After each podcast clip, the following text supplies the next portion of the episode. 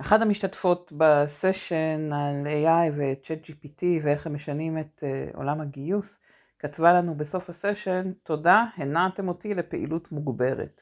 ואחרת כתבה תודה רבה, פותח את הראש. אני אגיד, זאת מבחינתנו הייתה המטרה. אני בטוחה ששמעתם כבר על AI, על בינה מלאכותית, על ChatGPT, Generative AI. זה Buzzword שמסתובבים מסביב, והאמת שגם לי לקח זמן עד שהתחלתי לשחק ממש עם הכלים האלה. אה, אבל מה שהניע אותי לעשות את זה היה ששמעתי את ישראל בהרצאה בכנס HR Tech. אמרתי, די, יש שם יותר מדי כלים, אם אני אחכה עוד דקה אחת אפילו, אה, אני כבר לא אהיה מסוגלת להדביק את הפער, ולכן לקחנו את היום בתור צעד ראשון, אם עדיין לא נכנסתם לעולמות האלה, לא בדקתם אותם, אני מקווה שהסשן הזה ייתן לכם את החשק להיכנס ולבדוק. אנחנו מצרפים פה לסיכום גם כל מיני כישורים ממערכות שאנחנו מכירים ומאתרים שמרכזים כלים שונים של AI, כי באמת העושר כל כך כל כך כל כך גדול, זה לא רק כלי אחד, אלא אוסף של כלים בתחומים שונים, שנותנים פתרונות שונים, וממש ברמה יומית יש כלים חדשים שנכנסים ושדרוגים לכלים הקיימים. אז אני מקווה שהסשן הזה על איך AI ו-Chat GPT משנים את עולם העבודה ועולם הגיוס, אני מקווה שזה ייתן לכם חשק להתחיל לשחק עם הכלים האלה בעצמכם, ואני מזמינה אתכם לפרק חדש בפודקאסט גיוס המקצוע. עם ישראל רוזן, פתיחה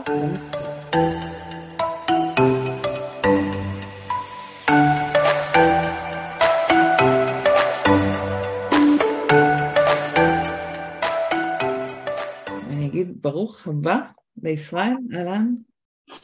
בוקר טוב, קודם כל תודה רבה שאירחת אותי, כבוד אה, להתארח בוובינר ובפודקאסט שלך, באמת, אה, כבוד גדול. תודה רבה. באהבה. לא סיפרתי לך קודם שמישהי שאלה אותי, מישהי מהמשתתפות, אני לא יודעת אם היא כבר עלתה, שאלה אותי אה, עם משהו על הלינק לסשן עם יעקב, אז אה, אמרתי זה קרוב, אבל זה ישראל. אז למי שמכיר את, אה, את הגלגולים של יעקב ושלי, אה, אז ישראל הוא, נקרא לזה גיסי לשעבר, אבל אנחנו מכירים כבר אה, יותר מ-25 שנה. ואני אישית מכירה את הגלגול המקצועי שלך, אבל אני אוהבת להתחיל ב... אני אגיד שהוא גיסי לשעבר שאני מאוד מאוד אוהבת, אז אני אעשה את, ה... את הקרדיט, אז כיף לי נורא שבאת. האימא של האחיינים שלי גיסתי לתמיד. אז אה, נכון, אין פה, אני לא צריך את הלשעבר, אתה צודק לגמרי. אה, אז כיף לי שאנחנו מכירים, חוץ מזה שאנחנו גם שכנים.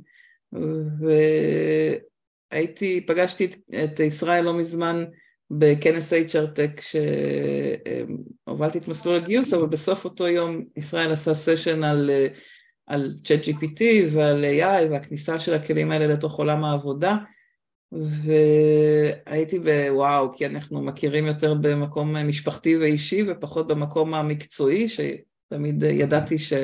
שאתה בזירה הטכנולוגית נקרא לזה, אבל פחות יצא לנו לדבר ביזנס נקרא לזה. אה, אז דבר ראשון אמרתי לו כבר שם, אני רוצה אותך פה בוובינר, אז כיף לי שהצלחנו ככה מיד אחרי החג ליישם. ואני רוצה, לפני שנצלול לתוך העולמות הטכנולוגיים, שתספר לנו קצת את המסלול הקריירה שעברת, ש, שנראה איך הגעת לתוך העולמות של ה-AI וה-GPT.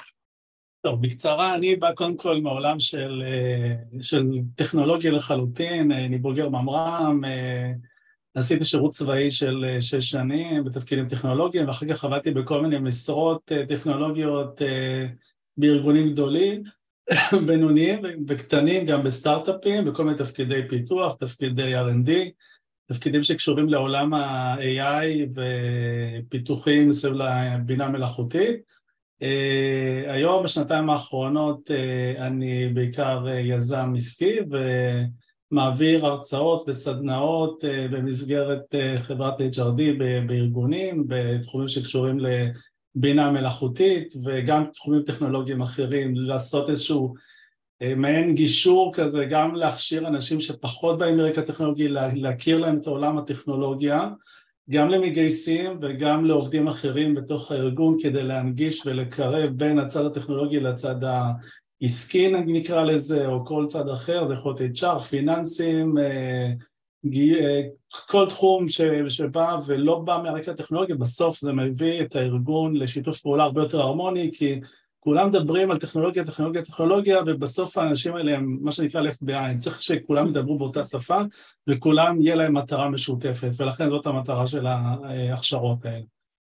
זאת אומרת, זה, זה מעניין וזה מין פרומו למה שנדבר אחר כך על האנשים שהם left behind, זאת אומרת, התפקיד שלהם משתנה והם וכאילו מעדיפים להכניס מבחוץ מישהו שמבין, כאילו זה מה שאתה רואה? גם, גם קודם כל, כשאני בא, אפילו ארגון, בוא ניקח אפילו ארגון פיננסי, מדברים על, דוגמה, ארגון פיננסי כמו בנק, mm-hmm. אז כולם מדברים על זה כמה שהטכנולוגיה מתקדמת בבנק, וכדי להביא לקוחות חדשים צריכים להביא טכנולוגיה חדשה וכולי, אבל רגע, רגע, יש פה, בסוף זה עולם פיננסי, ואנשים האלה נשארים מאחורה, הם מרגישים שהם לא בחזית, הם לא בטוב, ולמעשה בלעדיהם לא היה בנק, לא היה גוף עסקי. ולכן חשוב שגם כולם ידברו אותה שפה ויבינו, א', יבינו, כשמדברים על טכנולוגיה ויבינו מה הדברים החדשים ויבינו מה, מה הכלים החדשים שמפתחים וכולי, הם יהיו שותפים והם יהיו בעניינים והם יהיו חלק מזה ויתרמו וידעו לדבר את אותה שפה, שכל הארגון ידע לדבר את אותה שפה שיבינו אחד לשני ולכן זה בסוף מועיל לארגון עצמו, זה מביא לשיפור הפרודוקטיביות של הארגון. נורא מעניין. אז בעצם אה, נחבר את מה שאתה אומר עכשיו על האנשים שלא יישארו left behind, בשביל זה אנחנו פה, כדי שהמגייסות והמגייסים שכאן... אני חייב להגיד מורית, כל הרצאה שאני מתחיל, אני אומר את המשפט, כל מי שעכשיו הגיע להרצאה הזאת, או כל מי שעלה עכשיו לוובינר הזה, עשה את ההחלטה הכי חכמה שהוא עשה בחודשים האחרונים, ולא בגלל שזה אני או בגלל שזה מורית, אלא כי זה עתיד וזה הולך להשפיע על כולנו, וחשוב שתהיו בעניינים, תבינו, תכירו, כדי שתבינו איך להעריך לזה בצורה נכונה. לכן זאת ההשקעה של השעה הכי חכמה שעשיתם בתקופה האחרונה מבחינת ניהול קריירה. אני לחלוטין מסכימה איתך, ואני אגיד שאני שומעת את המילים האלה, AI ו-chat GPT וזה, נחשפתי ל-chat GPT, אני לא זוכרת אם דיברנו על זה, כי האייל הצעיר שלנו אה, הראה לי את זה, אני יודעת מה, יום יומיים אחרי שזה יצא. וחשבתי, טוב, זה משהו של הילדים, אמר לי, יש פה צ'אט, כותבים לו, זה עונה, לא נראה לי שזה... טוב, לקח לי עוד זמן ששמעתי עוד פעם ועוד פעם ועוד פעם ולאט לאט הבנתי מה, מה קורה. וממש רק בחודש האחרון התחלתי בפסח, היה לי קצת שקט בלי סדנות אז התחלתי לשחק עם הכלי אה, בעצמי, שמה שמדברים עליו. ו... ורק אז הבנתי את מה שאתה אומר עכשיו, כאילו כמה חשוב להיכנס, ידעתי, זה ישב לי פה והייתי בסשן איתך, אמרתי אוקיי זה חשוב לי, אבל באמת הסשן איתך עזר לי לעשות את הדחיפה לעצמי, להתחיל להתנסות באמת בכלים ולהבין יותר על מה מדברים, אז אני לחלוטין איתך על כמה זה חשוב. לא... מורית, הקמת את ה highlight של, ה... של הפגישה הזאת, של הוובינר הזה, זה מה שאנחנו רוצים שאנשים יצאו בסוף, בדיוק זה. אני לחלוטין איתך. אז בוא, אז בוא נדבר רגע על מה זה כל ההייפ הזה, מה, מה זה AI, למה הבאז הגדול, למה שנינו ככה כל כך ברור לנו שלהיכנס לתוך העולם הזה זה סופר קריטי, מה אתה רואה? אז ממש בקצרה מה זה AI בלי להיכנס למושגים יותר מדי טכניים. מתנצל על השיעול, אני סוחב איזה מחלה לפני שבועיים שלושה, אבל uh, זה בטח יעבור בתקופה הקרובה, טפו טפו. Uh, קודם כל, מה זה AI? AI למעשה זה uh, המוח האנושי עובד בעצם בצורה מסוימת, הוא מורכב מאיזושהי רשת של, אה, רשת עצבית נוירונית, שבעצם כל זיכרון, כל למידה חדשה היא בעצם ממופה לתוך הרשת העצבית הזאת. מה שניסו לעשות בעולם הטכנולוגי זה לקחת את המוח האנושי ולנסות לחקות אותו, בעצם הקימו רשת נוירונית עצבית מלאכותית בתוך המחשב. למה זה משמש? באמצעות הרשת הזאת אנחנו בעצם יודעים ללמד את המחשב כמו בצורה דומה לזו, לזו, למוח האנושי. לדוגמה, אני רוצה עכשיו ללמד אה, ילד מה זה שולחן, או מה זה בקבוק, או מה זה אה, אריה, או מה זה חתול, איך אנחנו עושים את זה? אנחנו למעשה, על כל אה, אובייקט כזה אנחנו בעצם מלמדים אותו כל מיני מאפיינים. לבקבוק בדרך כלל יש פקק, הוא בנוי בצורה מסוימת, הוא בדרך כלל מחומר מסוים, הוא יכול להיות גם מתכת, גם ברזל וכולי, כשהוא נופל הוא עושה רעש מסוים וכולי, אני בדרך כלל ממלא אותו באיזשהו נוזל, לדוגמה כשאני מדבר על בקבוק, או כשאני מדבר על אריה, אז לאריה יש רעמה גדולה והוא שואג וכולי. ככל שאנחנו נראה לילד אה, יותר תכונות ונראה לו אה, המון דוגמאות של אריות או של בקבוקים לצורך העניין, והוא יראה יותר ויותר דוגמאות, הוא למעשה ידע בפעם הבאה שהוא רואה אובייקט חדש, שהוא רואה בקבוק חדש, הוא ידע להבין, וואו, זה בקבוק, כי זה עונה לכל התנאים שדיברנו עליהם. או וואו, זה אריה, נכון שהצבע הפרווה שלו טיפה שונה, כי זה אריה מסוג אחר, כי הוא אפריקאי ולא אמריקאי, ונכון שהוא שואק אולי טיפה אחרת, אבל זה למעשה אריה כי בהסתברות מאוד מאוד גבוהה כל המאפיינים עונים למאפיינים שראיתי לגבי אריה או לגבי בקבוק. וככל שאנחנו ניתן לו יותר דוגמאות, בהסתברות יותר גבוהה, הוא ידע לזהות אובייקט כזה בצורה, אה, בצורה יותר מדויקת. בדיוק על אותו עיקרון עובד, עובדת האינטליגנציה המלאכותית. אנחנו מלמדים את האינטליגנציה המלאכותית בצורה של דוגמאות. ככל שאנחנו ניתן לה יותר דוגמאות, ההסתברות שהיא תדע לזהות את זה היא הרבה יותר טובה. מה עשו בעצם, מה, מה בעצם כל הבאז הגדול עכשיו? הרי AI קיים בעצם בערך משנות החמישים במאה הקודמת, בסדר? זה לא משהו חדש, זה אפילו מיושם בכל מיני כלים שאנחנו אפילו לא מודעים אליהם. ב-Waze לדוגמה יהיה משולב כלים, משולבים כלים של AI, כשאנחנו פותחים את הטלפון באייפון ויש לנו זיהוי פנים ויש שם שילוב של AI, אנחנו לא מרגישים את זה, זה, זה, זה משהו שהוא מובנה בתוך הכלים עצמם, מבחינתנו זה שקוף. עד, עד לפני כמה חודשים זה היה שקוף. מה קרה? בסוף שנה שעברה, בסוף ינואר, אה, נובמבר שנה שעברה, בעצם חברת OpenAI הכריזו על ChatGPT. ו-ChatGPT למעשה חשפה את עולם ה-AI והנגישה אותו לכל המשתמשים. איך הם עשו את זה? הם בעצם פתחו את המודל הזה כבר ב-2020, כן? זה לא מודל חדש.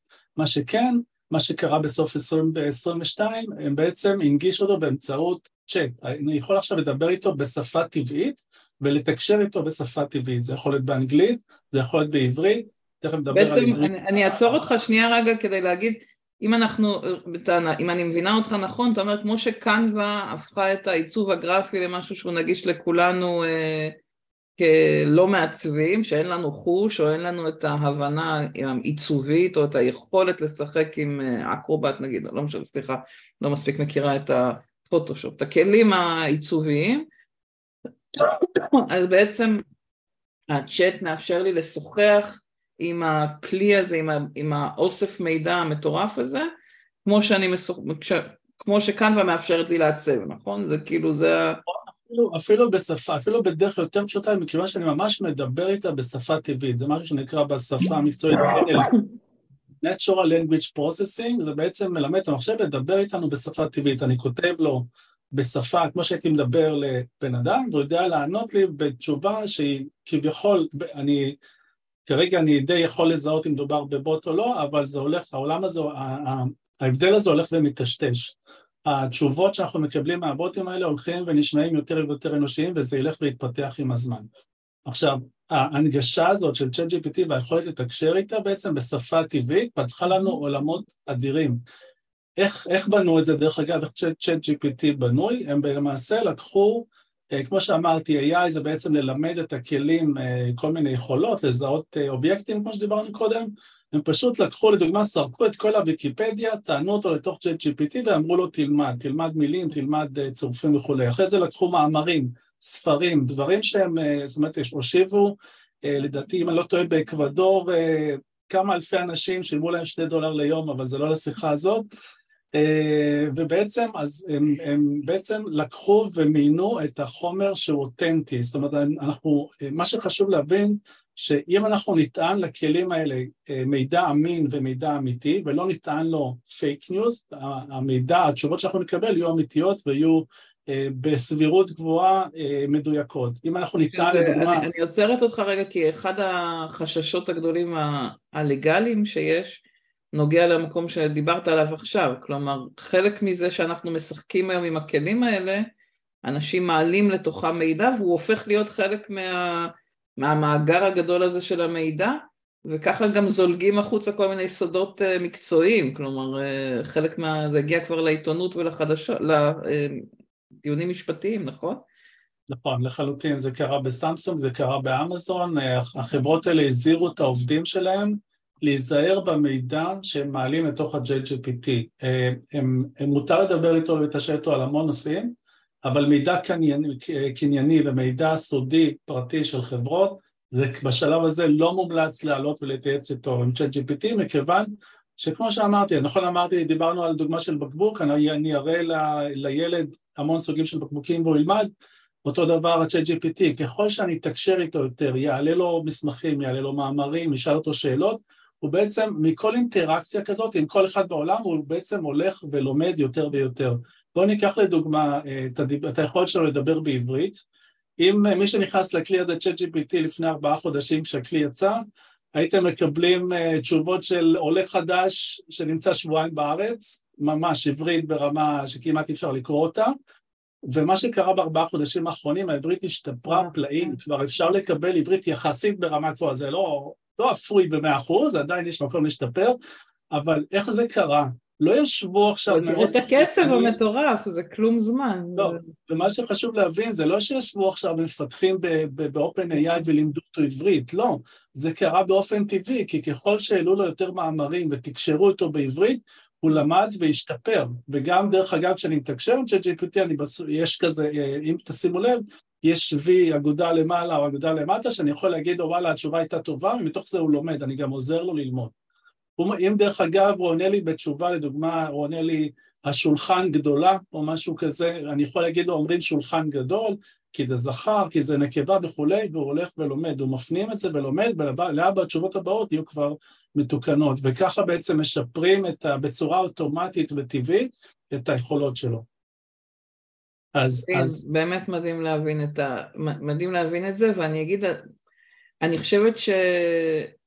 התמונה שעלתה לי קודם אה, בראש ככה הייתה כניסה של המחשב, אתה זוכר שבהתחלה, יש תמיד את הציטוט של מנכ"ל IBM שאומר שאף אחד לא יצטרך מחשב כי יש כאלה גדולים ואף אחד לא צריך בבית שלו חדר שלם שמלא זה וכאילו לא דמיינו את זה שלאט לאט המחשבים יקטנו ואיך כל אחד מאיתנו יכול להשתמש, בעצם הברייקסרו הזה של להגיד יש פה איזה עולם שמשנות החמישים אתה אומר היה מאחורי הקלעים ואף אחד מאיתנו בכלל לא ידע שהוא קיים פתאום הונגש לנו, וכמו שהמחשבים שינו לנו את החיים ביום יום בבית, זה בעצם מהפכה עצומה, לא סתם אמרנו זה קריטי להיות פה, כי זו מהפכה שתשטוף אותנו ויותר ויותר מהר, נכון? כאילו...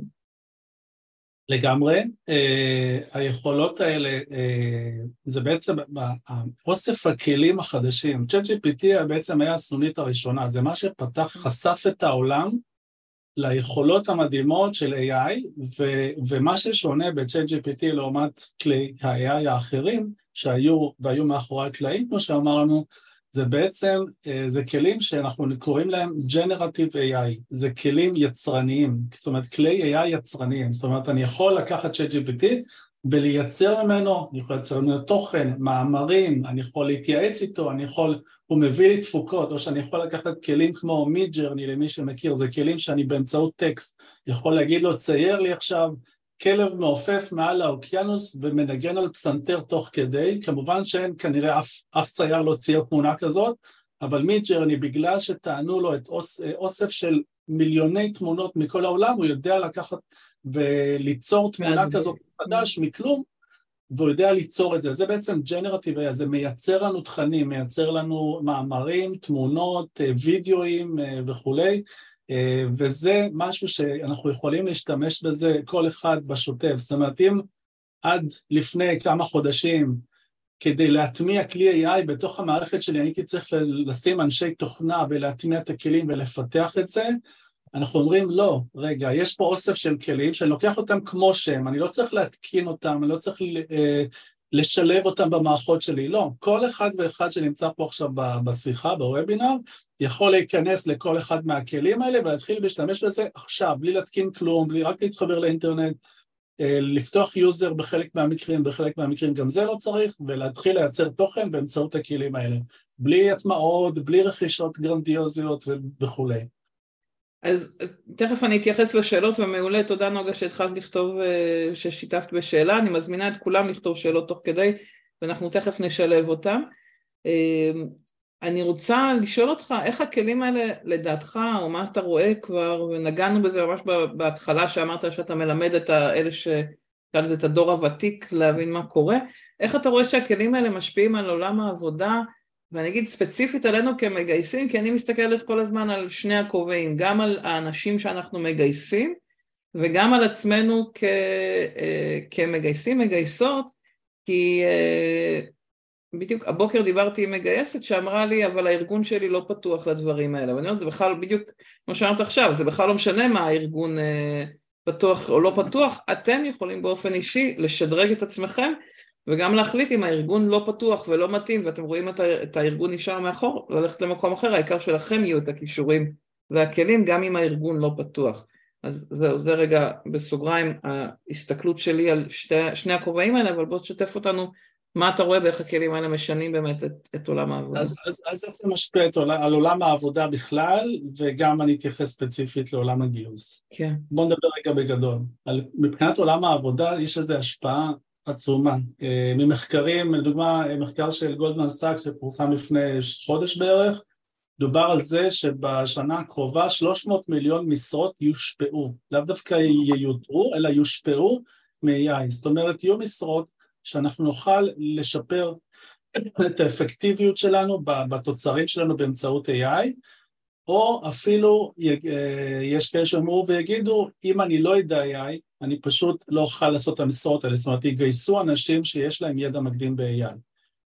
דוח אחר של אה, פורום הכלכלי העולמי אומר שעד שנת 2025 ייעלמו 85 מיליון משרות מהעולם, חלקם הגדול בגלל AI, אבל אה, לעומת זאת 97 מיליון משרות חדשות ייווצרו בגלל הכלים האלה, זאת אומרת צריך, צריך לזכור... יותר, יותר ייווצרו ממה שיעלמו. נכון, כן. תמיד צריך לזכור, טכנולוגיה זה תמיד נשמע מפחיד ו, ובאמת זה יחליף אותנו ואנחנו בעצם מיותרים וכולי, ממש לא. טכנולוגיה עוזרת לנו, תעזור לנו להיות יותר אפקטיביים ופרודוקטיביים, היא תעזור לנו לשפר את, את התפוקות של הארגון, היא תעזור לנו בעבודה השוטפת שלנו, היא תקל עלינו, אם אנחנו הספקנו לעשות עד היום X, באמצעות AI אני יכול לעשות X כפול 2 או כפול 3 ביום, מכיוון שהכלים האלה עוזרים לי ומקצרים לי חלק מהחיים. איך לדוגמה היינו מסתדרים לפני 30 שנה שלא היה וורד ולא היה לכל, לכל אחד מחשב, היינו עובדים ידנית או סופרים היו כותבים, ב, היו מדפיסים על מכונת אה, כתיבה, תחשבו שהטכנולוגיה שיפרה לנו את היכולת לעשות, היום אני יכול להיכנס לוורד, לערוך, בסדר? לעומת מכונת כתיבה, אני עובד יותר אפקטיבי, זה לא שאני עכשיו לא צריך סופרים בגלל שיש לי וורד, או אני לא צריך מגייסים בגלל שיש לי כלים שיודעים לעשות חלק מהעבודה, להפך הם משפרים לי ומייעלים את העבודה שלי. Uh, בהקשר הזה של משרות שהולכים להיעלם, אני רוצה לתת לכם דוגמה של כמה משרות שבכלל אם אנחנו נסתכל עליהן לפני, uh, לפני uh, 20 שנה בכלל לא היו קיימות. לדוגמה, קחו לדוגמה משרה כמו אה, אה, מנהל מדיה, מנהל מדיה חברתית, או משרות כמו משפיעני רשת, או מפתחי אפליקציות, לפני עשרים שנה בכלל לא היה סמארטפון, בסדר? לא, ברור שלא היו משרות כאלה, או אנשים שמייצרים פודקאסטים וכולי, זה משרות חדשות, זה משרות שבכלל לא היו קיימות קודם, ודרך אגב יש מחקר אחר שאומר שלגבי אה, אנשי ילידי דור ה-Z, זה ילדים שנולדו משנת 2005, הם בעצם 65% מהמשרות שהם הולכים לעבוד בהן, הם עדיין לא הומצאו, בסדר? אז אנחנו צריכים להבין שאנחנו בעולם משתנה. התכונה הכי חשובה שכל אחד מצריך, מאיתנו צריך, זה להיות אדפטיבי, זאת אומרת לדעת לאמץ טכנולוגיות, כלים וללמוד כדי להישאר עדכניים. עכשיו בואו נדבר ספציפית על עולם הגיוס. אה, בעולם הגיוס יש לנו אה, כמה וכמה אה, כלים שאנחנו יכולים להשתמש בהם כדי לשפר לנו את העבודה שלנו, בסדר? אנחנו יכולים להשתמש בכלים כמו ChatGPT, כלים כמו מידג'רני וכלים אחרים שאנחנו תכף נזכור אותם, או קנווה וכולי, לייצר מצגות וכולי. ראיתי שגם הייתה שאלה על זאת, אני אפרט על זה יותר מאוחר, מה אפשר לעשות עם זה. הכלים האלה ישפרו לנו, יעזרו לנו להיות יותר אפקטיביים בעבודה. ופשוט תחשבו, שימו את עצמכם רגע בתור המנהל שלכם, כשאני יש לי צוות של לדוגמה שלושה מגייסים, ואני יכול, אה, אני עכשיו רוצה לשפר את האפקטיביות שלהם, אם עובד שהוא יודע להשתמש בכלים האלה והוא יודע להשתמש ב-AI, הוא יהיה אפקטיבי אפילו פי אחד וחצי, בסדר? ב-50 אחוז יותר, לא פי שלוש, בסדר? אני עדיין, כשאני אגייס עובד חדש, או כשאני ארצה לשמר את הצוות שלי, אני עדיין תמיד אעדיף אנשים שידעו להיות יותר אפקטיביים. אין מה לעשות, ככל שאנחנו... אני רוצה רגע לעצור אותך כי אני רואה פה שמתחילות שאלות סביב החששות ושנייה לפני שנעמיק ככה בתוך ה...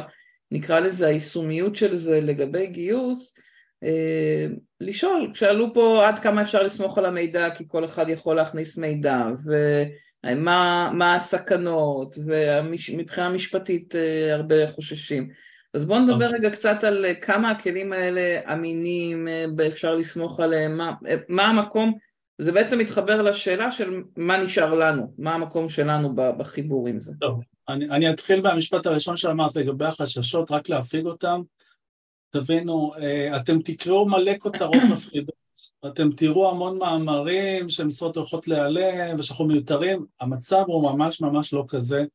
הבינה המלאכותית עדיין לא שם, אה, כל מהפכה תעשייתית שקרתה היא לוקחת שנים רבות עד שהיא הולכת ומבשילה, בינתיים, אני, בשנים הקרובות, לא, אנחנו הולכים להשתמש וזה הולך לעזור לנו. גם בשנים הבאות יכול להיות שחלק מהמשרות יותרו, אבל הם, או, הם טיפה השתנו, הם טיפה יהיו יותר אה, מותאמות לאזורים אחרים, יהיו דברים שהיה יודע לעשות בעצמו, אבל יהיו דברים אחרים שלא. וגם כל ארגון, דרך אגב, שאם היום מייצר תפוקה של X, אם באמצעות כלי AI הוא יכול לייצר עם אותם אנשים X כפול 2, אז זה מה שהוא יעשה, הוא יהיה, הוא, מבחינה כלכלית הוא יוכל להכניס יותר כסף, ולכן, והעלויות שלו יהיו יותר נמוכות, ולכן הם לא הולכים לפטר אנשים. אני, החששות שדיברו עליהם, שנייה רגע, החששות לא דווקא לא היו במקום הזה, הם היו יותר על עד כמה זה כלים okay, אוקיי, אמינים, על כמה הם מסוכנים, כמה הם אמינים, כמה... אז, אז ככה, מבחינת האמינות של הכלים, צריך תמיד, הכלים האלה הם אה, בסוף מבוססים על המידע שהזינו אותם לכלים האלה ולימדו אותם, בסדר? אז אם נסתכל על צ'אט GPT, צריך לקחת את התשובות שלו בערבון מוגבל. Uh, היו מקרים, לדוגמה, של, של אנשים שעשו עבודות מחקר, שבהם ChatGPT כתב, ChatGPT הוא בכלל כלי AI, הם נועדו בעצם לתת לנו שירות ולרצות אותנו במרכאות, הם רוצים, הם מכוונים מטרה, אם אני מבקש מהם משהו, הם בהכרח יביאו לנו תשובה. אה, ולפעמים, אם זה אומר להביא תשובה, זה להביא תשובה שהיא בחלקה מבוססת על עובדות, ובחלקה ה-AI המציא אותם, והיו מקרים של אנשים שכתבו מחקרים וביקשו מה-AI, מ-ChatGPT, לכתוב את, ה, את מקורות המידע שלו, ממש ציטט מקורות מידע. כשנכנסו לראות את המקורות מידע, ראו שהם לא קיימים.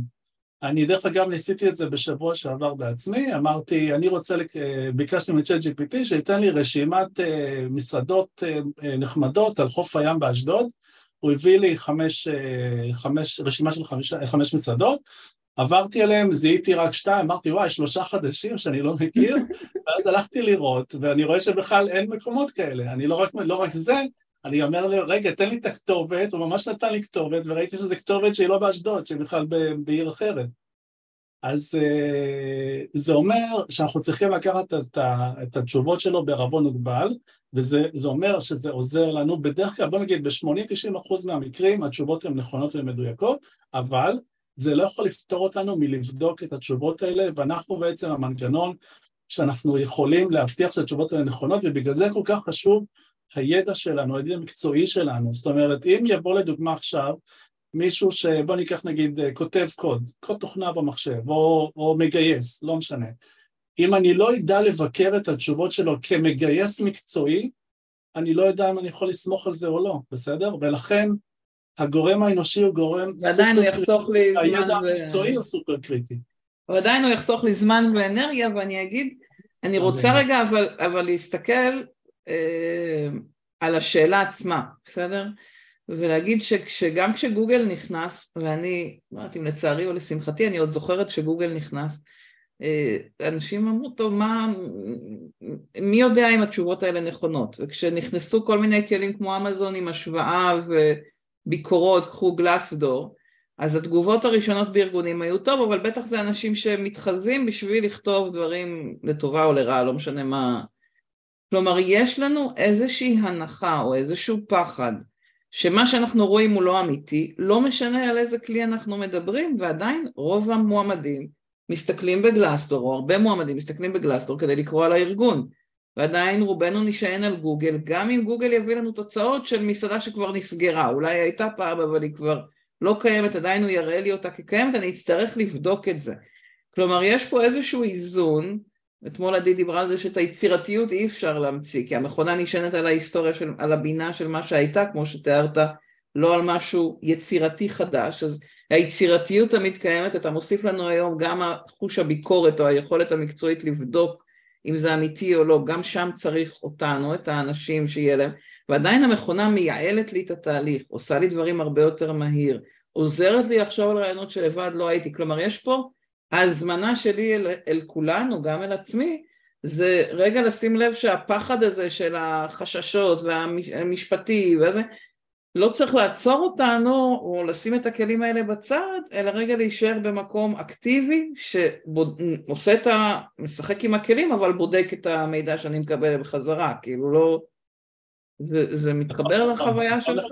לגמרי, ונכון לחלוטין שהמידע בעצם, דוגמה ChatGPT, אה, היום הוא בכלל לא פתוח לאינטרנט, זאת אומרת כל המידע שיש שם הוא זן עד לסוף 2021.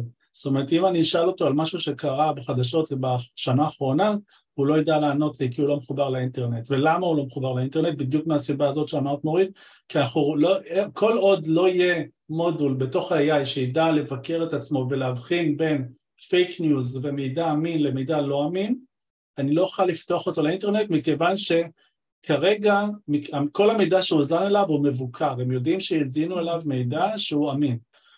כל ההתכתבויות שאנחנו עושים... מה... החוסר אמינות היא מהמקום לרצות אותי ולא מזה שהמידע שבתוכו הוא לא אמין, כאילו זה מה שאתה אומר. גם, גם וגם, ובוא נגיד, אם אני לדוגמה אשאל את מידג'רני, uh, uh, שזה כלי שאני יכול לכתוב לו טקסט והוא uh, מייצר לי תמונה, אני אגיד לו, צייר לי בבקשה תמונה של CEO של חברה. מה לדעתך הוא ייצור? הוא ייצור uh, גבר, אישה, אה, כן, נשים כנראה לא יהיו, נשים לא יהיו שם, וגם לבן ובין אה, 40-50 כזה. בדיוק, אז יש לו גם הטיות מובנות, וזה דרך אגב, גם אני אשאל את החבר'ה שנמצאים איתנו פה בוובינר וניתן להם, אני אבקש מהם לצייר לי CEO של חברה, יכול להיות שרובם זה מה שהם יעשו, כי ההטיה הזאת היא הטיה מובנית מכיוון שמי שמזין את רוב המידע לתוך ה... גם באינטרנט וגם לכלים האלה, זה בדרך כלל אנשים לבנים אה, שבאים מהעולם המערבי, אה, ולכן גם ההטיות המובנות האלה שקיימות בחברה, הן קיימות גם בתוך הכלים האלה. וזה חלק אה, מזה שאנחנו צריכים לדעת לקחת את כל מה שיש שם ולבקר את זה. אנחנו לא יכולים לסמוך על זה בעיניים עצומות בהקשר של השאלה הזאת, של האם המידע אמין, אבל 80-90 אחוז מהמקרים והתשובות אנחנו נקבל מידע אמין, מידע שיעזור לנו לקצר תהליכים מאוד, בצורה מאוד מאוד משמעותית. אה, והכלים האלה זה חלק מארסנל הכלים שאנחנו חייבים לאמץ כדי להיות הרבה יותר אפקטיביים. אז, אז בוא נצלול באמת, וזה גם רוב השאלות שעולות פה הן כבר טקטית על, ה, על הגיוס, בוא נצלול לתוך איך הכלים האלה אה, משפיעים על הגיוס ואיזה כלים אתה רואה שכדאי להתחיל לחקור אותם, להתחיל לשחק איתם. סבבה, אז בואו ניקח את עולם הגיוס, ננסה לראות מה אפשר לעשות מתוך אה, אוסף הפעולות שאנחנו עושים היום כמגייסים, ואיך אפשר להשתמש בכלים האלה לעבודה השוטפת שלנו. אז בואו ניקח לדוגמה פרסום משרה חדשה. אני עכשיו רוצה לנסח איזושהי מודעה של משרה חדשה, דיברתי עם המנהל המקצועי, הוא תיאר לי את המשרה ואני רוצה עכשיו לכתוב את זה. איך אני יכול לעשות את זה? אני יכול לשבת מול הבורד ולכתוב הכל מחדש, או למצוא איזושהי משרה ישנה שהיא קצת דומה ולהתאים אותה. מה שאני עוד יכול לעשות זה לגשת לדוגמה לכלים כמו ChatGPT, לכתוב לו בכמה שורות מה אני מחפש בו, ממש לכתוב לי תיאור משרה מדויק. אם אני אזין לו גם מידע על החברה שלי, דרך אגב, אני, אני אגיד לו, זאת החברה שלי, זה מה שהיא עושה, אני אתן לו קצת מידע מתוך, בוא נגיד, אה, אודות או משהו כזה מהאתר שלנו, של החברה, ואני אגיד לו, תתאים משרה ותכתוב קצת פרטים על המידע, על החברה, אז הוא ממש ינסח לי מודעה שמתאימה לחברה שלי, שאני יכול לקחת אותה בתור בסיס, ופשוט לעשות עריכה קטנה, להתאים אותה טיפה עם הידע המקצועי שיש לנו, וזה במקום לקחת, אני חושב, שעתיים, שלוש, יכול לקחת משהו כמו חצי שעה. אז אני יכול לחסוך המון המון זמן בקטע הזה של ניסוח משרות אה, וכולי. אם אני רוצה לנסח, סליחה, לנסח אה, מודעות, מודעות אה, דרושים, או אני רוצה לכתוב טקסטים שיווקיים על החברה שלנו, כמגייסים, אנחנו רוצים להכניס גם איזשהו מידע על, על החברה, אני יכול להשתמש בכלים האלה, כמו ChatGPT, כדי להזין, שוב, מידע אודות החברה, והוא ידע לייצר את זה בצורה אוטומטית, משהו שבדרך כלל, לפחות כשאני בא לכתוב מאמר או מסמך או מידע שיווקי חדש, החלק הכי קשה זה להתחיל, זה לכתוב את השלושה ארבעה משפטים הראשונים, אני יודע שלא לכולם זה ככה, יכול להיות שרק אני מוגבל, אבל ברגע שאנחנו משתמשים ב-ChatGPT זה ממש נותן לנו מאמר שלם, נותן לנו הקדמה, טיעונים, סיכומים, זה בסיס נהדר להתחיל לקחת אותו ולפתח אותו. דברים נוספים שאפשר לעשות. אני אגיד שאצלי דווקא על המקום הזה של הלכתוב, אה, השתמשתי בו כבר כמה פעמים בשביל לכתוב כותרות, ונגיד אם יש נושא אחד שפחות, שיש לי פחות מידע עליו, אומרת, אוקיי, בוא ת, תעמיק רגע בכותרת הזאת, וזה נותן לי יותר את הרעיונות, ולא, אני לא צריכה אותו בשביל הכתיבה כי אני נהנית לכתוב, אבל כן זה עוזר לי לעשות איזה סדר, לעשות איזה תבנית ראשונית כזאת. נכון, לדוגמה אני עכשיו רוצה להקים כבד, להקים צוות של דאטה אנליסטים, זה משהו שחדש בחברה שלא קיים. אני יכול להיעזר בצ'אט GPT ולהגיד לו מה השלבים שאני צריך לעשות כדי להקים צוות כזה, ואז הוא נותן לי, ממש כמו שאמרת, הוא נותן לי כותרות. כן. ואז אני יכול, זה אה, חשוב לזכור שאנחנו מדברים על צ'אט GPT, זה אינטראקציה, זה שיחה, זה לא ש... אה, כשאני שואל אותו שאלה, כשהוא עונה לי תשובה, אני יכול לשאול שאלה בקונטקסט של התשובה שהוא שאל. לדוגמה, הוא נותן לי ארבעה בולטים של מה אני צריך לעשות כדי לפתוח צוות של דאטה אנליסטים, ואז אני שואל אותו, אתה יכול להרחיב על נושא מספר שלוש, או איך אתה מציע, איפה, איך אתה מציע, מה מקורות הגיוס שאני יכול להשתמש בהם כדי להגיע לאנשים כאלה. אני יכול להיעזר בו ולהתייעץ איתו עם המון המון נושאים שקשורים לעולם שלנו של, כמגייסים, כדי לפתוח לנו אותנו לעולמות אחרים שאולי אפילו לא הכרנו. מקורות גיוס, האם אה, זה רק לינקדאין, זה רק אה, משרות, זה רק אתרים באינטרנט, האם יש עוד מקומות שאני יכול לעזר, מה מקובל בעולם, מה מקובל בישראל, מה הכי נפוץ, מה הולך הכי טוב, דברים כאלה, שאני יכול לשאול אותם, ואני יכול, שיכול לשאול את ה-chat GPT, להתייעץ איתו ולקבל תשובות, באמצעות זה, באמצעות זה פשוט ללמוד ולהכיר. גם כשאני דרך אגב מדבר, אני רוצה עכשיו להקים, אמרנו צוות data אנליסטים, נגיד שאני מגייס מקצועי, לא מגייס טכנולוגי מקצועי, אני לא מכיר את העולם הזה, אני יכול לבקש מצ'אט GPT, לשאול אותו מה זה data analyst, מה התכונות המאפיינות data analyst, דברים, אני יכול ללמוד, אם הייתי צריך ללכת לאתרים ולעבור בגוגל, לחפש כל מיני מידע על נושאים מסוימים, והיה לוקח לי שעות או ימים ללמוד אותם, או לעשות קורסים וכולי, אני יכול באמצעות צ'אט GPT לשאול אותו מה זה, להגיד לו תן לי בקצרה את שלושת התכונות החשובות לדאטה אנליסט, או מה, מה אני רוצה כשאני מחפש דאטה אנליסט, מה התכונות החשובות שאני, או מה הידע המקצועי שאני צריך, או מה הידע הרך, הידע האישי שאני צריך ממועמד כזה, מה נכון. אז הדברים האלה, במקום להשקיע ימים אה, כדי ללמוד, אני יכול לעשות את זה נורא בקצרה. דרך אגב, אפילו אם אני מוצא באינטרנט מאמר מאוד מאוד ארוך מה זה data analyst או מה זה data scientist והוא מורכב כי הוא מכיל המון המון מושגים טכנולוגיים, ואני לא מכיר אותם, מה אני עושה? אני אומר בצ'אט GPT, הנה מאמר שמצאתי באינטרנט, תסכם לי אותם בבקשה כמו לילד בן עשר. ככה, ככה כותבים. Uh, rephrase for 10 years old, ככה אני כותב לו, והוא פשוט מנסח לי את זה בצורה נורא פשוטה, אני ככה לומד נושאים חדשים, uh, אז, בצורה אז, אז רגע ננסה לחבר את זה לגיוס מה ששמת. שמת לנו קודם את החלק של השיווק, פרסום, בין אם זה לנסח את המודעה, להכין את התמונה עצמה או פרסום עצמו, כלומר חלק שקשור אה, לפרסום ולשיווק אפשר להשיג שם, לראות איך פרסמו באחרים או לקבל עוד רעיונות. אתה מחבר אותנו עכשיו גם ללמידה של תפקידים חדשים, גם כי אמרנו קודם שנכנסים עוד הרבה תפקידים חדשים, אתה אומר אני יכולה דרך ה-chat GPT או הכלים חשוב לי להגיד ככה בכוכבית, כי היה פה שיח בתוך הצ'אט על צ'אט uh, GPT בוואטסאפ, צ'אט GPT בזה, יש המון כלים שהם כמו צ'אט GPT. זה ש... אותו למעשה. שהם, זה בסוף צ'אט GPT? זה יישומים שיושבים על צ'אט GPT, שזה הכלי של, ה, נקרא לזה החברה, אחת המובילות, כי OpenAI והיום גם מייקרוסופט מפתחים את שלהם וגוגל את שלהם, ולכל אחד יש את הכלי המקביל לזה שמפתחים, אז צריך להבין יש פה המון כלים שאנחנו חווים אותם, בין אם זה וואטסאפ, אני קיבלתי באיזה אפליקציה שקפצה לי בפייסבוק, או כל מיני אחרים שיושבים על הצ'אט GPT, נכון? כלומר זה לא, זה, זה לפעמים היישומים יותר נוחים מהכלי המקורי, זה גם בסדר, זה... נכון, נכון, בסוף בסוף זה אה, בליבה, זה מפעיל את צ'אט GPT, בסדר? אפשר לעטוף את זה בוואטסאפ, אפשר לעטוף אותו באתר אחר שאומר אה, שאומרים, אתר שהוא מותאם לעולמות הגיוס, ראיתי אתרים לדוגמה שהם עולם הפיטנס, עולם האימון האישי פיטנס, אז הם בסוף, הם, הם מותאמים, הם מפעילים בסוף מאחורי הקלעים בבטן את ה-chat GPT, אבל הם מותאמים לאזורים מסוימים, אז יהיו כאלה לאזורי הגיוס ויהיו כאלה לאזורים אחרים, אבל בסוף מדובר באותם כלים. יש דרך אגב, יש עוד דברים שאפשר לעשות כמגייסים ב, ב, ב, באמצעות הכלים האלה, לדוגמה, אני עכשיו משתמש חדש בלינקדאין, לינקדאין כמובן זה אחד הכלים הכי נפוצים לכל עובד, לכל מגייס, ואני לא יודע לעשות שאלות מורכבות. אני יכול להיעזר בצ'אט GPT ולבקש ממנו, לבקש ממנו לבנות לי שאילתות מתקדמות איך לחפש משרות מסוימות, בסדר? את הבוליאן, החיפוש הבוליאני, את ה string הבוליאני לחיפוש בלינקדאין אתה מדבר. בדיוק, נכון.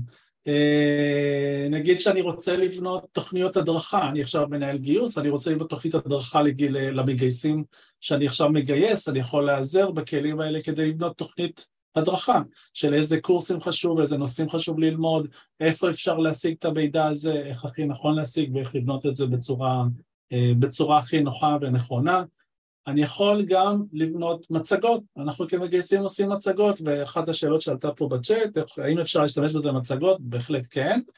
יש כלים היום כמו קנווה, uh, דרך אגב בסוף, מורידה תשלחי בסוף סיכום. נשלח רשימה אליי. של כלים מומלצים, כן. מעולה. אז יש כמה כלים, כמו לדוגמה בקנווה, הוסיפו לה ממש בשבועות האחרונים אפשרות uh, ליצור מצגת באמצעות AI, בלחיצת כפתור, אני כותב משפט אחד, לדוגמה, עולם הגיוס העתידי בתחום X. זה המשפט שאני כותב, ואני, וקנווה אוטומטית מייצר לי אה, מצגת, לא רק שהוא מייצר לי מצגת על הנושאים האלה בערך משהו כמו עשרה שקפים, מעוצבת, היא גם נותנת לי בערך שמונה אפשרויות, שמונה עיצובים שונים שאני יכול לבחור מביניהם מה שהכי מתאים לי, אני יכול לקחת את זה בתור בסיס, זה כבר עם תוכן מחולק לראשי פרקים, מאוד מאוד מסודר, אני יכול לקחת את זה בתור בסיס, להוריד את זה אליי ולהתחיל לערוך את זה ולהתחיל להוסיף את המידע הזה. זה חוסך לי המון המון אה, אה, התעסקות עם עיצוב, המון התעסקות עם הבניית הנקודות שאני רוצה לכסות את המצגת. דרך אגב, זה לוקח 25 שניות. אני כותב את המשפט, לוחץ 25 שניות, יש לי מצגת בשמונה, בשמונה ורסיות. בסדר? זה מדהים. זה... אני, יש, רוצה יש רגע... עוד אפליקציות שעושות את זה כמו אבל נשלחים. א' נהדר, אנחנו נצרף את הרשימה של כלים שאנחנו מכירים, כן, וזה כל הזמן מתרבה, אבל הייתה פה שאלה שחשוב לי רגע לגעת בה עם הכלי, ו- ואתם כותבים שאלות פנטסטיות, אנחנו לא נספיק לגעת בכולם, נשתדל, אני מבטיחה, אבל את כמה שנספיק, והייתה פה שאלה אם הכלי מכוון גם לעולמות שהם לא הייטק. ואני רוצה להגיד, זה כמו, כמו למשל עמותות, ארגונים חברתיים, צריך להבין, אלה כלים שנוגעים בכל העולם, אין פה שום קשר להייטק. זה כלים שההייטק נעזר בהם כבר משנות החמישים, או העולם הטכנולוגי נעזר בהם כבר משנות החמישים, אבל בעצם השינוי העיקרי שדיברת עליו, זה שזה נכנס עכשיו לחיים של כולנו, זה כמו שתשאלי אם גוגל נוגע רק בהייטק, אלא כל מה שנמצא ברשת, והיום גם לכל עמותה יש אתר, לכל עמותה יש כלים, יש ידע שמשתמשים בו, יש אה, כל גוף, כל, כל גוף הידע העולמי יושב בתוך העולם הזה של הבינה המלאכותית שה-OpenAI נותן לנו את הגישה אליו. בוא ניתן לכם איזה דוגמה קטנה שלא קשורה בכלל לעולמות הייטק, לדוגמה שיווק ופרסום. חברת קוקה קולה, שהיא אחת המפרסמות הגדולות בעולם, הכריזו לאחרונה שחלק ניכר מהתקציב שלהם, במקום לשים אותו על חברת פרסום כמו שהיא עשתה עד עכשיו, היא הולכת לשים את הכסף הזה בחברת בן, זו חברת ייעוץ טכנולוגי, שהולכת לבנות לה קמפיינים טכנולוגיים מבוססים AI, וזה אומר שחברות פרסום איבדו חלק ניכר מהתקציב שלהם לטובת טכנולוגיה, למה? בגלל שהם לא נערכו ולא הכירו את הכלים האלה. אם החברה, אם חברות הפרסום היו יודעות לספק את, ה, את, ה, את מה שיודעות חברות טכנולוגיות לספק, וזה משהו שאפשר ללמוד וליישם, אז הם לא היו מאבדות את התקציב הזה, בסדר? זה משפיע... כמו שנכנס הפרסום בפייסבוק אה, בזמנו והרבה נסגרו בעקבות זה, נכון?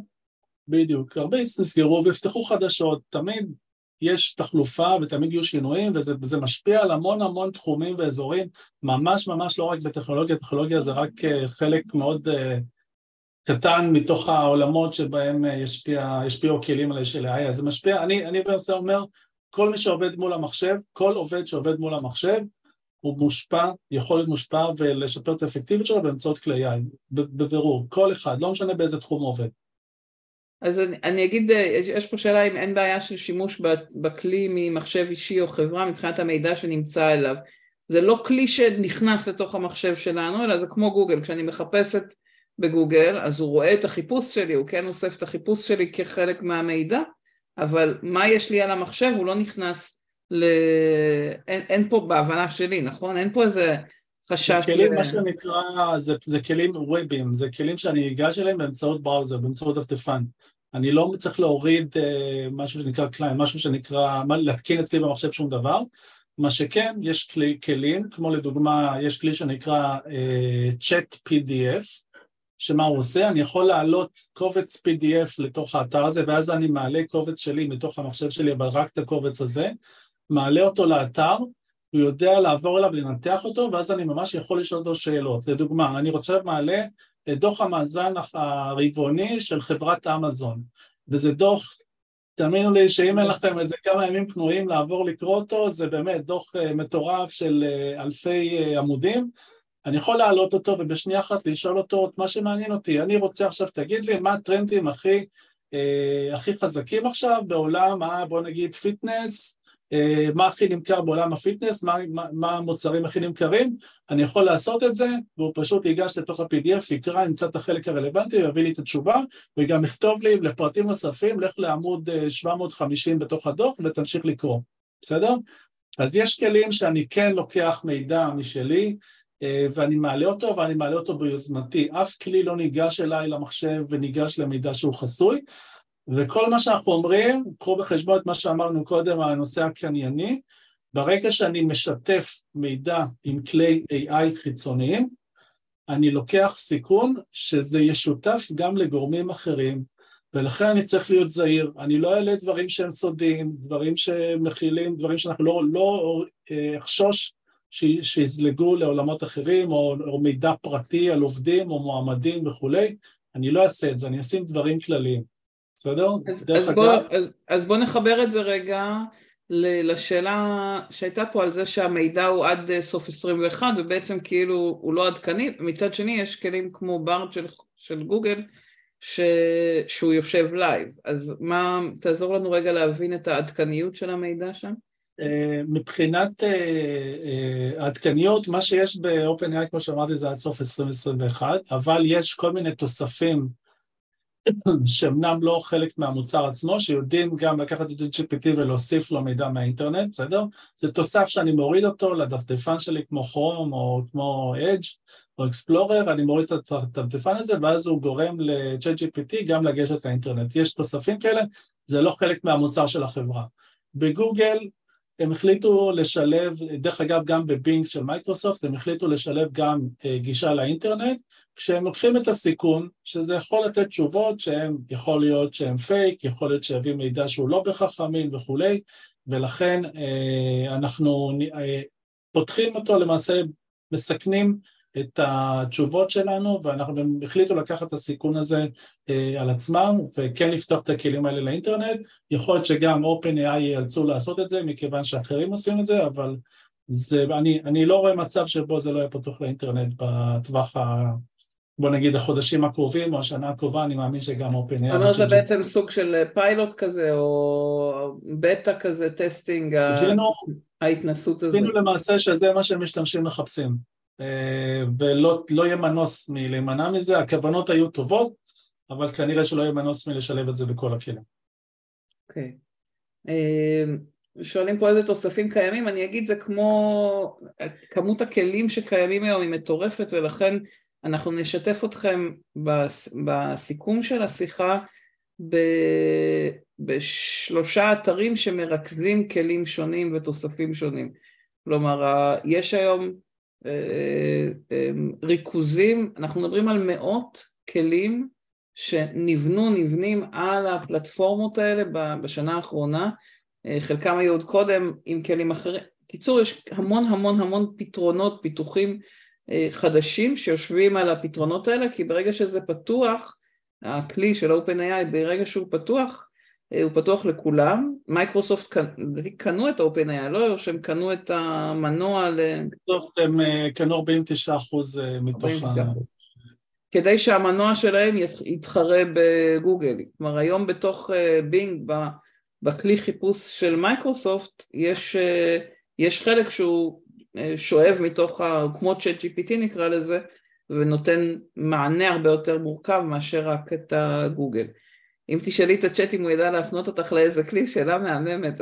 בגלל, שה, בגלל שהמידע הוא נכון ל-2021 אז בצ'אט לא, GPT כן. לא, בברד כנראה שהוא יהיה ידע יותר, אבל uh, מהסיבה הזאת יש הלינקים שאנחנו נשלח בסוף השיחה, הם מכילים uh, אתרים שהם גם מבוססי AI, זאת אומרת החיפוש שאני עושה, אני רוצה עכשיו האם יש כלי שיודע אה, לנסח אה, משרות חדשות? האם יש כלי שיודע לצייר או לעשות סרטון וידאו מתוך משהו, לתמלל או לא whatever?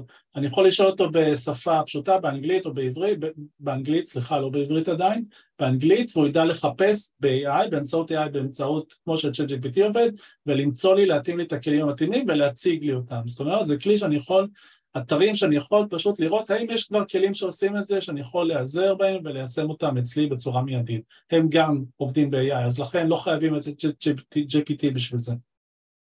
כן. אז אני רוצה רגע לפני שלקראת סיכום, אה, בדיוק אה, לילך כתבה ו... ורציתי להתייחס לזה, היי לילכי, אה, שבעצם יש לנו עוד ציר של מי שמשתמשים בכלים האלה וזה המועמדים, כלומר יש לנו גם העובדים המנהלים, העובדים בתוך הארגון, שהתפקידים שלהם משתנים, יש גם אותנו בתוך התפקידים של הגיוס, וצריך גם לזכור שגם למועמדים יש אפילו היום עדיין יותר כלים מה למגייסים, אה, הסתכלנו ביחד על רשימה כזאת של כלי HR, אז היה שם כלים שבונים את הקורות חיים, היה שם כלים שעוזרים לך להציע את עצמך כפרילנס ובונים לך מין פיץ' כזה שאתה מציע, ועוד כל מיני כלים שקשורים לקריירה. כן, אתה ממש יש, אפילו בצ'אט GPT אתה יכול לגזור את כל הפרופיל שלך בלינקדאין, להעלות אותו לצ'אט GPT מצד אחד, מצד שני להעלות את המשרה שפורסמה ולהגיד תכתוב לי בבקשה אה, קורות חיים שמתאימים למשרה הזאת ותנסח לי עמוד פותח שמתאים למשרה, ליכולות שלי ולמשרה המפורסמת. אפשר גם את זה לעשות. כלומר כל אותם דברים שבעבר יועצי קריירה היו יושבים וממליצים לעשות אה, ידנית, בעצם היום המערכות עושות אה, עוזרות. אוטומטית, עוזרות לנו בזה. אז אני רוצה ככה לקחת את הדקות האחרונות לשאול אותך מה הטיפים העיקריים שלך אם אני מגייסת ו... ואנחנו גם רואים את המהירות של השינויים האלה, אז מה אתה מציע לי לעשות כשאני מסתכלת בחודשים הקרובים כדי מצד אחד כל אחד נורא עסוק פה ביום יום שלו ומצד שני, כל הדרמה הזאת קורית בחוץ, מה אני יכולה לעשות כדי להישאר רלוונטית, כדי להמשיך אה, להתפתח בתוך זה? טוב, אז, אז, אז כמו שאמרתי, התכונה הכי חשובה להיות אדפטיביים, זאת אומרת לדעת לאמץ את הדברים החדשים. איך אנחנו עושים את זה?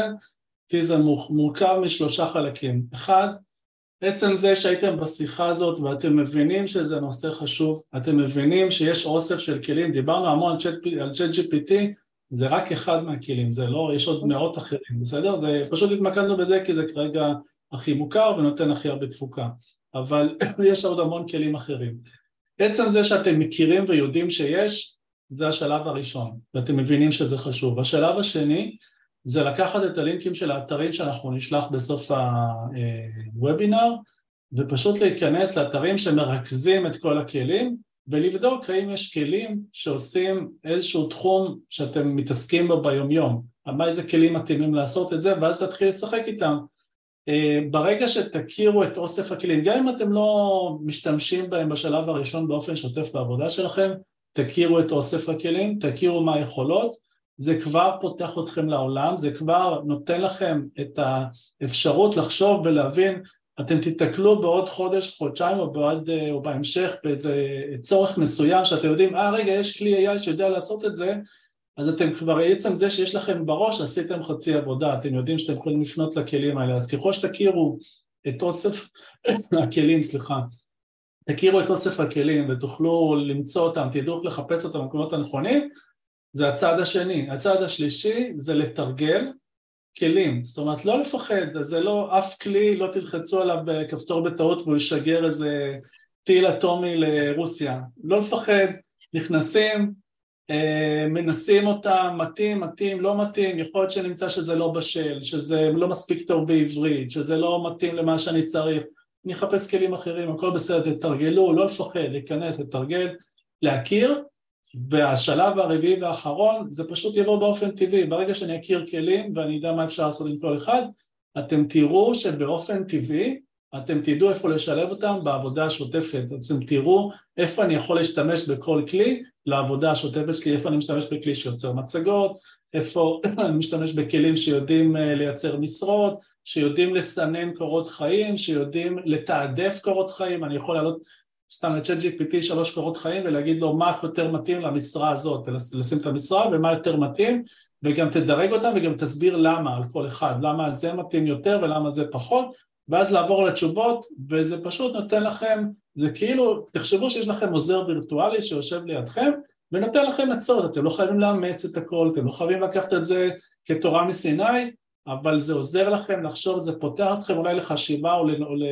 לשיקולים שלא לא חשבתם עליהם וזה עוזר לכם לקבל את ההחלטות. לכן פשוט, כמו שאמרתי, להכיר, לתרגל, לדעת שיש, והשלב האחרון זה פשוט יבוא לכם באופן טבעי, זה ליישם את זה. בעצם אתה מדבר על, על המעבר הזה בין גם להיות ב mindset של לדעת שזה קיים וגם, ההתנסות עצמה ואני אגיד שאחד הדברים שאני מאמינה שאנחנו נראה עם הזמן זה שחלק מהכלים תופסים ועולים ובולטים וחלק מהכלים לאט לאט גם נעלמים מהשטח וגם פחות אה, רלוונטיים, אם נסתכל, אני יודעת מה, בחוויה שלי 17 שנה אחורה כשנכנסו הכלים של 15 שנה, נכנסו הכלים של מדיה חברתית, לינקדאין ופייסבוק לא היו היחידים, היו עוד שהסתכלנו עליהם ולאט לאט חלק עלו וחלק נעלמו וזה הדבר הטבעי, הדבר הנכון הוא להתנסות ולראות עם מה יותר נוח לנו ולא רק להתנסות בכלי אחד ואז לוותר אלא להיות באמת ב mindset הזה של לחפש כל הזמן מה עוד קיים מה הרבה אנשים מדברים עליו, עם מה עוד לא ניסיתי, קצת לשחק אפילו רבע שעה ביום, רק כדי להיות באיזה מקום שאני כל הזמן ככה ב mindset הזה שבודק מה קיים אצלי, ודרך אגב גם בכלים שאתם משתמשים, כמו שאמרת על קנווה, יש כלי שאנחנו רגילים להשתמש בו, אם הוסיפו תוספים, הוסיפו את ה-AI פנימה, לבדוק מה זה אומר, איך הוא משדרג גם את הכלים שאתם עובדים איתם היום בגיוס uh, באופן טבעי. אני רוצה רגע לפני שאני אומר שאנשים מתחילים לרדת מהקו כי הגענו כבר כמעט לסוף של הזמן אז גם תכתבו איך היה לכם ומה לקחתם מתוך השיחה אה, מאוד מאוד אשמח, אה, תודה נוגה. תודה רבה. אה, אשמח שתכתבו לנו גם בשביל ישראל וגם בשבילי. אני אגיד שחשוב לדעת שישראל ו-HRD עושים סדנאות על הנושא ואנחנו נצרף את הקישור גם על הכלים בכלל, גם על כלים למגייסים. ו... ואני בעיקר יודעת להגיד שאנחנו, אה, שאני ביום יום שלי הכנסתי לי למחשב את ה... גם את ה-Mid Journey ו-Chat GPT בתור שני הכלים הראשונים, אבל אני משתדלת ממש ברמה יומיומית ללכת לוובינרים, ללכת להקש... להקשיב, לקרוא וללמוד, אז תשמעו עוד הרבה, אני מניחה גם ממני וגם מישראל ויעקב. וויקי, ואני ממליצה להישאר אה, בעצמכם במקום של למידה בתחום, כי העולם שלנו על סטרואידים בעניין הזה. ותודה וישראל... רבה על התגובות, תודה רבה. ותודה, מרגיש. נכון, על, גם על התגובות הפנטסטיות וגם על השאלות שלכם תוך כדי, אתם עוזרים לנו, אנחנו סוג של צ'אט GPT כזה, אנחנו מנסים ללמוד תוך כדי תנועה, בבינה הלא מלאכותית שלנו. ישראל, כמו תמיד, היה לי ממש כיף לדבר איתך. גם לי, תודה רבה ותודה רבה על כל השאלות לכולם, באמת, היה... תודה רבה. תודה. יום טוב לכולם. יום מעולה. ביי.